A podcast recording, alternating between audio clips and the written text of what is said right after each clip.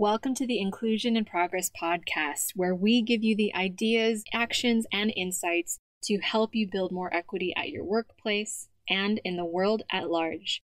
I'm your host, Kay Fabella, international expert on diversity, equity, and inclusion, a Filipino American living in Spain, and your guide in navigating this DEI journey. Having worked with teams at companies such as Philips, the IMF, Red Hat, PepsiCo, and more, I know firsthand that the work of inclusion only works when everyone has a seat at the table. Regardless of your personal entry point into this conversation, your race, ethnicity, gender, ability, age, sexual orientation, country of origin, or educational background, we all have a role to play in creating inclusion for all. And it starts with us having conversations we need to create the change we wish to see. So let's dive into today's episode.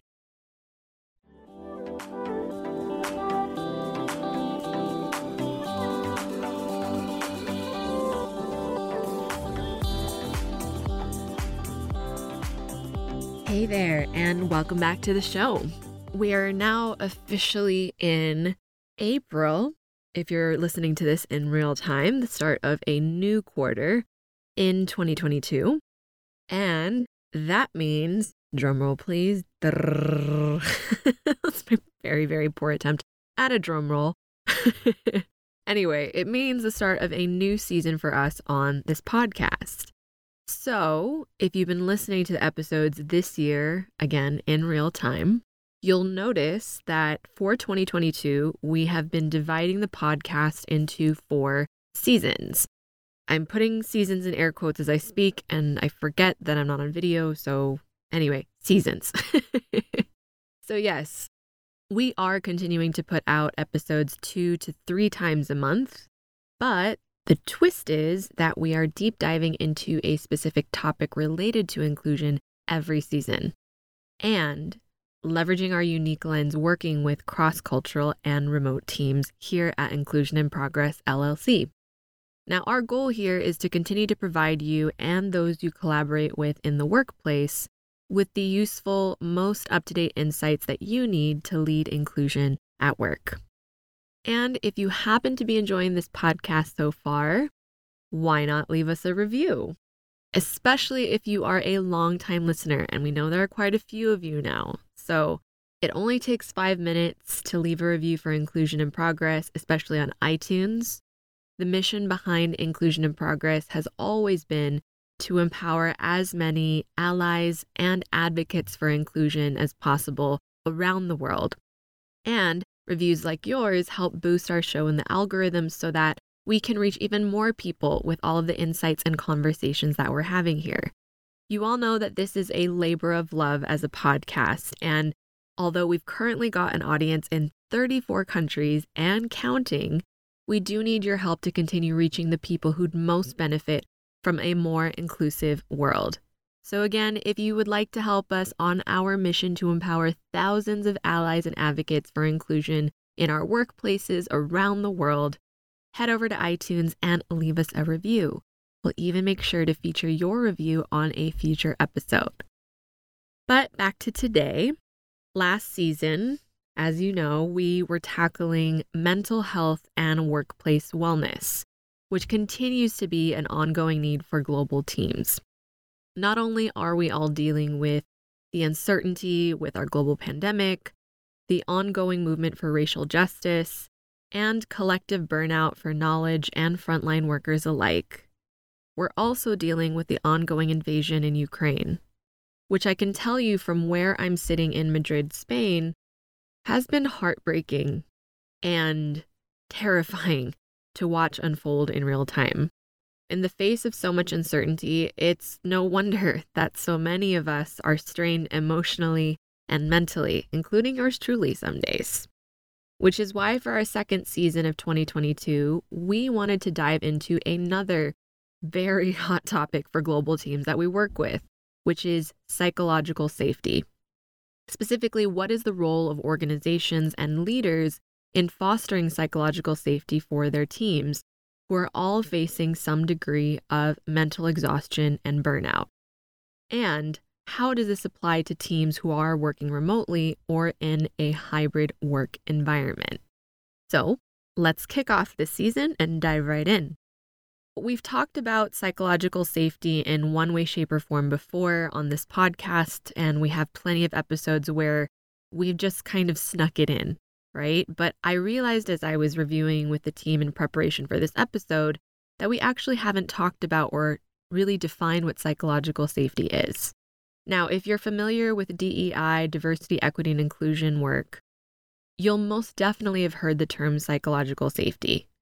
And this comes to us from the work of Dr. Amy Edmondson of Harvard Business School, who defines psychological safety as, quote, a belief that one will not be punished or humiliated for speaking up with ideas, questions, concerns, or mistakes, end quote. What does that look like in a nutshell? Well, if a leader wants to know if they have successfully fostered a culture of psychological safety, anyone who works with them should feel comfortable to raise their hand when they'd like to contribute an idea to their team or organization, when they don't know an answer and need to ask someone for help, when they want to raise an issue that's bothering them, or share when they've made a mistake without fear of potential fallout or blowback from those on their team. With so much writing these days on innovation, especially with how quickly our world is changing, the new ideas that we need to continue to thrive and grow, it's essential to attract and retain quality talent. But what good is that if no one on our teams feels able to speak their mind and share those ideas?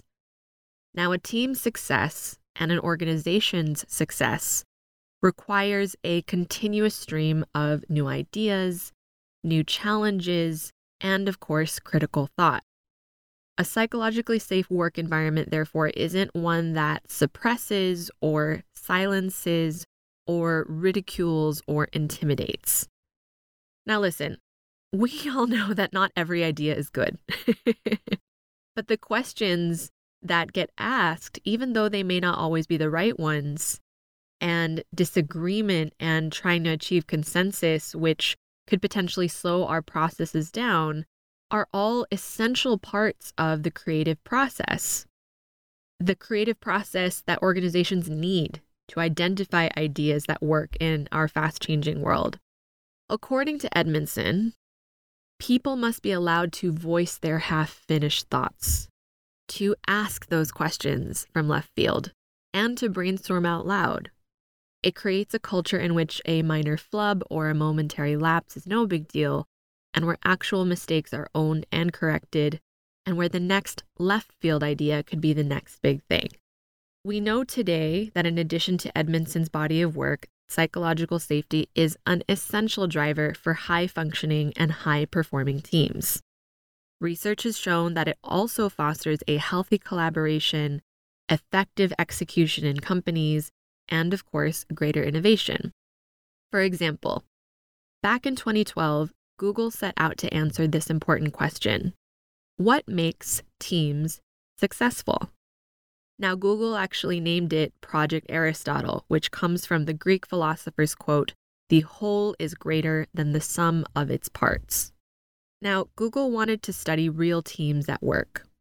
And to that end, they spent two years studying 180 real and diverse teams across Google's different offices and functions.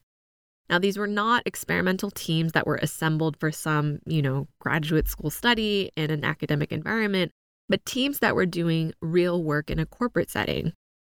And upon concluding the study, Google's Project Aristotle identified psychological safety as their top indicator of their highest performing teams. The reason being that teams that benefited from strong psychological safety are less afraid of the negative consequences that may result from taking smart risks, making mistakes, sharing their opinions within their team, and being candid with one another. And these teams are therefore better equipped to respond productively to different perspectives and opinions and ideas. They feel safe to take risks and be vulnerable with one another. But while this research has helped us tremendously, most of us know how difficult psychological safety is to apply in practice, and even more so now with the complications of remote and hybrid work. Since the start of the COVID 19 pandemic, our most popular solutions with clients involve working with teams or entire departments on how to foster psychological safety in a virtual workplace. Many of the questions we hear from managers and DEI leaders include things like what does psychological safety look like when teams don't see each other in person or work alongside each other? How do we encourage teams to share when they're experiencing challenges without forcing them to disclose personal information or invading their privacy, especially across different cultures? Another question we hear is Is there such a thing as too much or too little sharing? And how does that contribute to an environment where our teams trust one another? These and other conversations have inspired this episode that we're sharing with you today. So, to understand how to apply this research to the real life workings of your remote team, let's take a look at how working virtually has changed the conversation on psychological safety over the last two plus years. So let's start by defining what does psychological safety actually look like in the context of a remote team. Unfortunately, as we've learned, work from home and hybrid working makes psychological safety anything but straightforward for managers and employees. Prior to the pandemic, leaders traditionally focused on keeping their conversations very open when it came to talking about work, while striving to respect their colleagues' personal boundaries. Now, as we know, the boundaries between work and life have gotten a little blurry for teams. So, leaders have been asked to navigate ways to redefine productivity for remote teams, as we discussed in episode 77, and looking at ways to create better workplace boundaries to support teams that are working from home, as we discussed in episode 84. Be sure to check those episodes out if you haven't already. More importantly, for leaders to have psychologically safe conversations about how to support their teams in a post COVID world, they're going to have to touch on subjects that were previously considered off limits, or to have conversations that were related to aspects of employees' identity, values, and personal choices, which for many of us is uncharted territory. For example, one employee could decide that they'd prefer to work from home to support an ailing parent, or as a widow supporting their two children. But another employee could feel excluded from the conversation of who should be asked to return to the office as someone who is single or decided not to have children. How a manager leads both of those conversations is going to require even more tact, even more patience, and even more understanding of different people's situations while making sure everyone is clear on their roles and responsibilities on the team. Now, this is just one of many conversations that have made it more personal for employers and leaders, and potentially riskier when being asked to navigate legal or ethical challenges such as confronting their own biases. Now, with these nuances in mind, let's dive into three specific ways we've advised clients and partners on how to foster psychological safety on remote teams.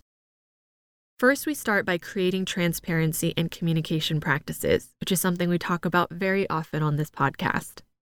Not every conversation for managers and their team members is going to revolve around personal disclosure or non work challenges.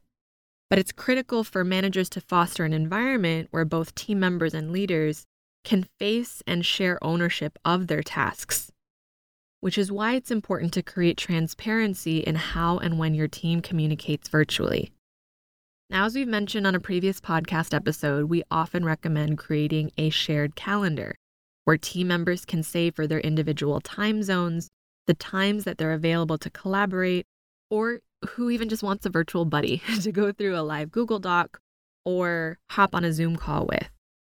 To that end, we also look more generally with teams at how to make asynchronous communication work for you. It helps if every team member has a roadmap of sorts, knowing what each channel of communication is for and how it supports their role and responsibility. It also helps to know how to set up their technology to set their own boundaries for each channel of communication, such as advising others of their available and non available hours. And knowing that everyone will respect each channel's purpose for communication. And if there are channels that can specifically be used for non work communication, where colleagues can discuss shared interests or even link up with one another for some off work one on one time, it's helpful to have that outlined transparently too. In fact, one of the first exercises we do with client partners who are looking to manage remote teams more inclusively and effectively is starting by reviewing everyone's day to day schedules, establishing a team policy that understands each individual's different work styles, strategies, situations, and personalities, and finalizing a shared team agreement document that supports flexible work. But we'll talk about that more later in the episode. By doing so, we're not only establishing work life boundaries that supports the team, but also supporting psychological safety because this environment allows everyone to know what each person needs to do their job effectively, including things like their focus time and time off, and more importantly, how to support one another. The second strategy we advise on is inviting engagement through team building. Now, we often say that psychological safety is built on trust, and trust is built in micro moments. Teams that are able to find these micro moments can fall back on this currency of trust when times are more challenging or misunderstandings or collisions arise. To that end, there must also be intentional structures for team building. Otherwise, it's challenging to build and maintain trust on remote teams, especially when many of us are unable to see one another for long periods of time. Now, this can start by looking at how to make your day to day meetings and interactions more collaborative instead of just one person leading those conversations. GitHub, for example, recommends using Google Docs for both their formal and informal work communication protocols. For their meeting agendas, GitHub uses Google Docs for documenting discussions, decisions, and actions. Everyone in the meeting can add notes at the same time, and even finish each other's sentences in some cases. they prefer Google Docs to whiteboards because by brainstorming in text instead of drawings, they're all forced to clearly articulate proposals, designs, and ideas with less variance in interpretations across remote teams that occupy different countries and cultures. They use indentations to go more in depth on a given topic. And by retaining everything inside that Google Doc for that meeting agenda, this method retains context for comments, discussions, and ideas, even if someone wasn't present for the original live conversation. But GitHub also uses Google Docs so that no one feels left out of a conversation and allows for diverse sets of perspectives to be heard from both GitLab team members and from customers and community contributors. Now, while many of us are going back to the office, it's also fun to imagine team building practices that don't require endless back to back Zoom or team calls or things like game nights, which, as we know, were very popular at the start of the pandemic. Now, you can host things like an AMA or Ask Me Anything channel once a week or a month to discuss non work topics in one of your asynchronous channels. You can create a virtual book club, watch a new TV series together, and discuss what's happened in a shared channel. Share a love of Fortnite or League of Legends with your favorite characters' avatars, or create a shared team playlist on Spotify that allows each of your team members to rotate playing DJ for the month. You can ask your team to add their cultural holidays and celebrations to your shared calendar to allow people to highlight the diversity in beliefs and practices, and by extension, hold space for observance and discussion. You can use things like asynchronous voice messages for teams through a platform like Yac, or asynchronous video messages through a platform like Loom, where other team members can view and comment on the video below. Now, I know all of these things, if you're listening to them and already use them, might seem silly or potentially trivial, but they are easy ways to help your team members highlight other facets of themselves and build trust with one another as a result, without having to invest or think that they're investing more time out of their busy days. Psychological safety is also about being able to discuss when you feel uncertain or unsure of an idea without fear. And while this may seem like it's going back to basics, again, sometimes it's just as simple as knowing who to reach out to when you're struggling, who to contact when you have a question, or you just need a second opinion or sounding board that would benefit you as well as the rest of the team as a result. Having that roadmap is actually very helpful in a remote environment. With many of us not having physical gathering spaces or the ability to work in the same location where we could, say, run into each other casually in an office, a team or a department org chart again helps us unify a distributed team. This is particularly of interest for new joiners because it helps them know which groups are working on what, which groups are leading, which functions, and how all of those things are working towards the same company mission. Having something like an org chart that's specifically tailored to your team and the departments that you most likely coordinate or liaise with is really important to help drive a common mission that then creates a stronger team and company culture. Because this shared responsibility and accountability encourages more team members, regardless of their background or location or ability, to be internally motivated towards action and the betterment of the team. It also means that teams can look for cross collaboration amongst themselves and create co leadership opportunities on your team, rather than it just being led by the line manager who's leading. Knowing the structure of your team and or your department helps foster psychological safety because it empowers individuals to be proactive about their abilities to accomplish their tasks and find opportunities to collaborate effectively with one another, which is something that we've consistently seen on our 360 surveys working with client partners a desire to know who they are working with aside from members of their direct teams.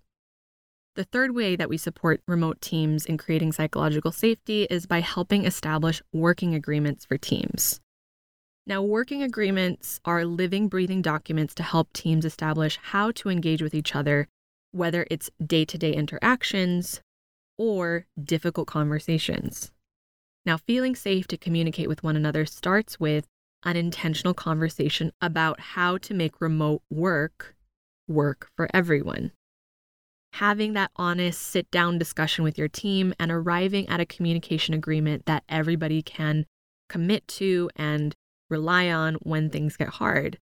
And that discussion starts with covering a list of questions around communication and collaboration.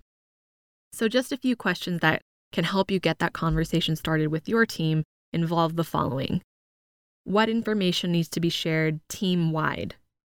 How might we communicate that information best? What response times are reasonable for each of our communication channels, such as email or Slack or Teams? How should we share what's being worked on? How should we make requests for information or assistance? And do we need to find shared core hours of overlap in our work schedules? Questions like this should lead to a productive discussion about how to use your different software and different channels, how often to communicate with each other, how to define what's important versus urgent and the difference between the two, and how to be open to feedback and respectful of different perspectives and opinions when they arise.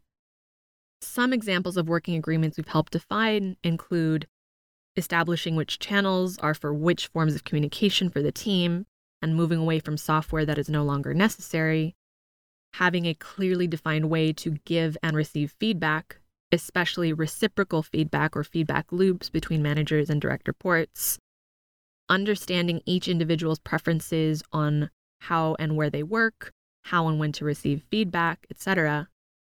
Anonymous pathways to offer feedback to managers, specifically when individuals need help resolving differences or challenging issues.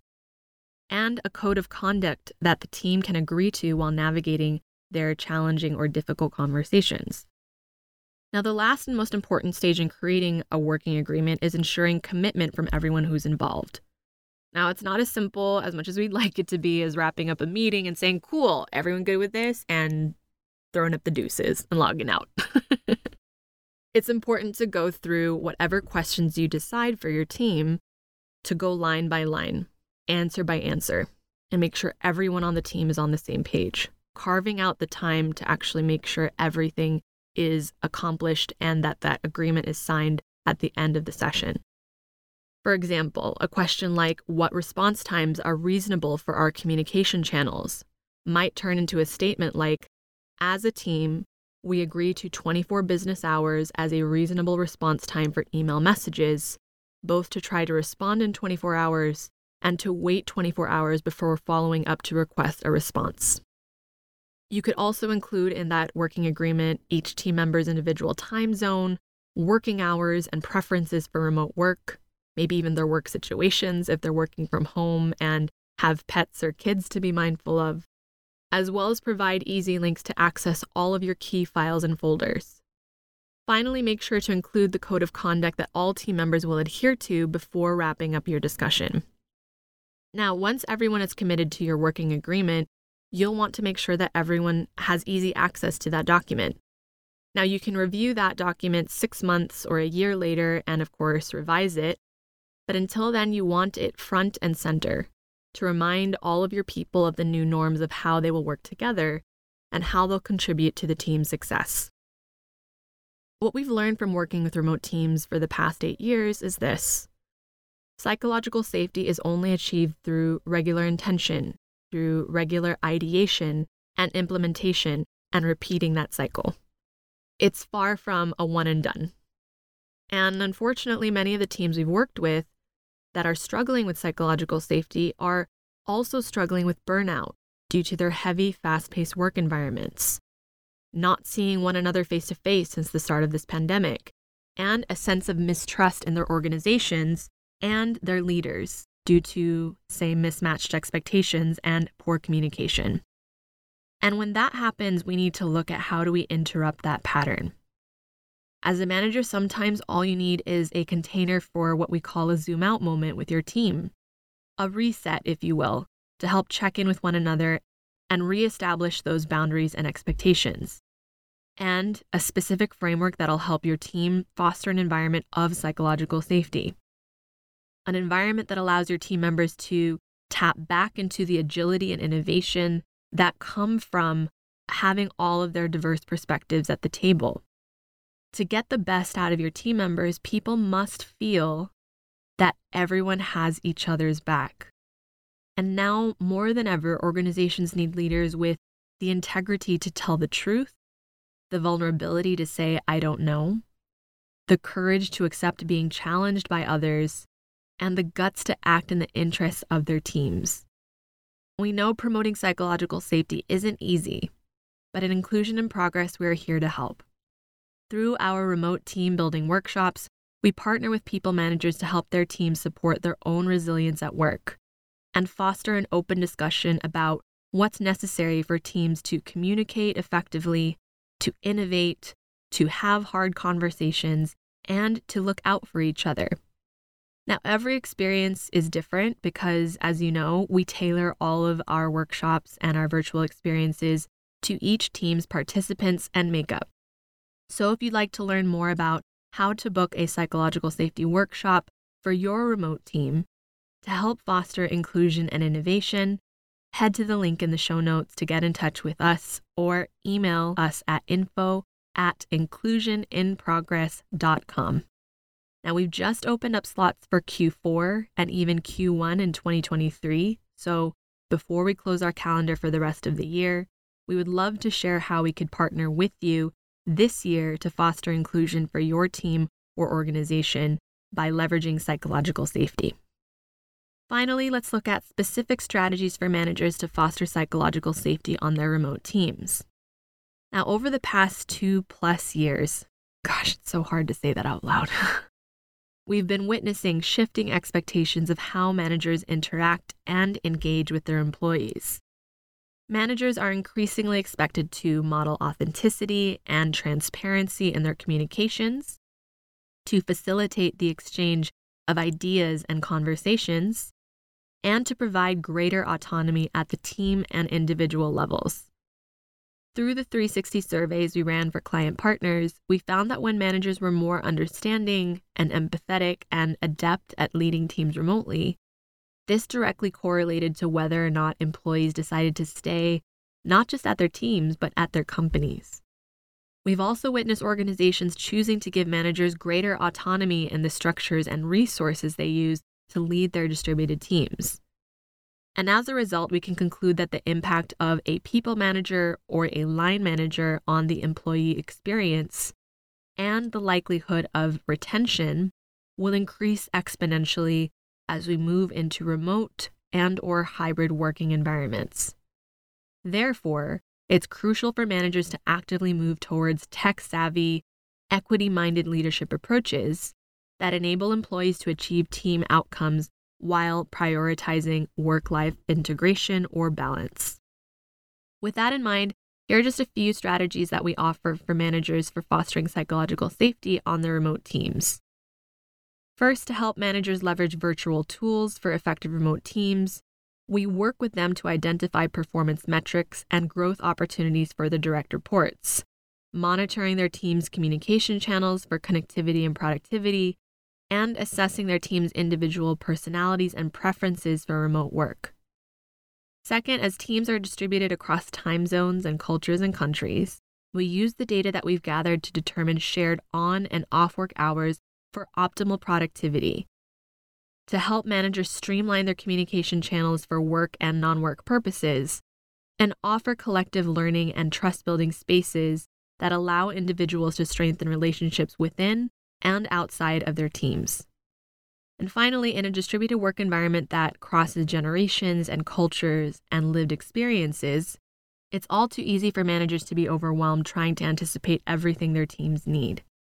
So we guide managers on how to foster psychological safety by showing them how to anticipate when their teams might be struggling and how to give employees the ability to choose what they disclose and when. But we also know that being a manager is not without its challenges, especially while navigating the many changes that we've seen over the past few years. To lead others from a place of effectiveness starts with taking an honest look at ourselves. Now, if you're struggling with your own psychological safety, you just simply won't be as effective in helping others with theirs. Doing whatever you know helps you maintain a happy and healthy approach and a pace of work that is sustainable for you is the equivalent of putting your own oxygen mask on first before helping others.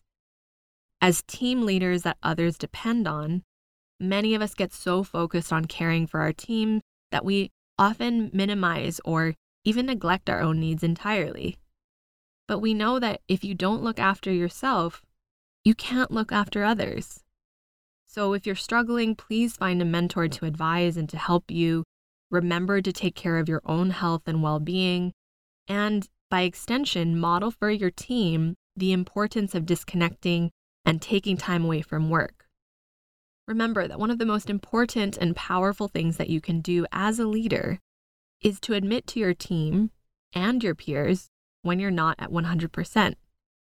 Not only will this help you to obtain the support you need to get through a tough time, it will also model and make the same behavior psychologically safe for others when they're going through similar challenges.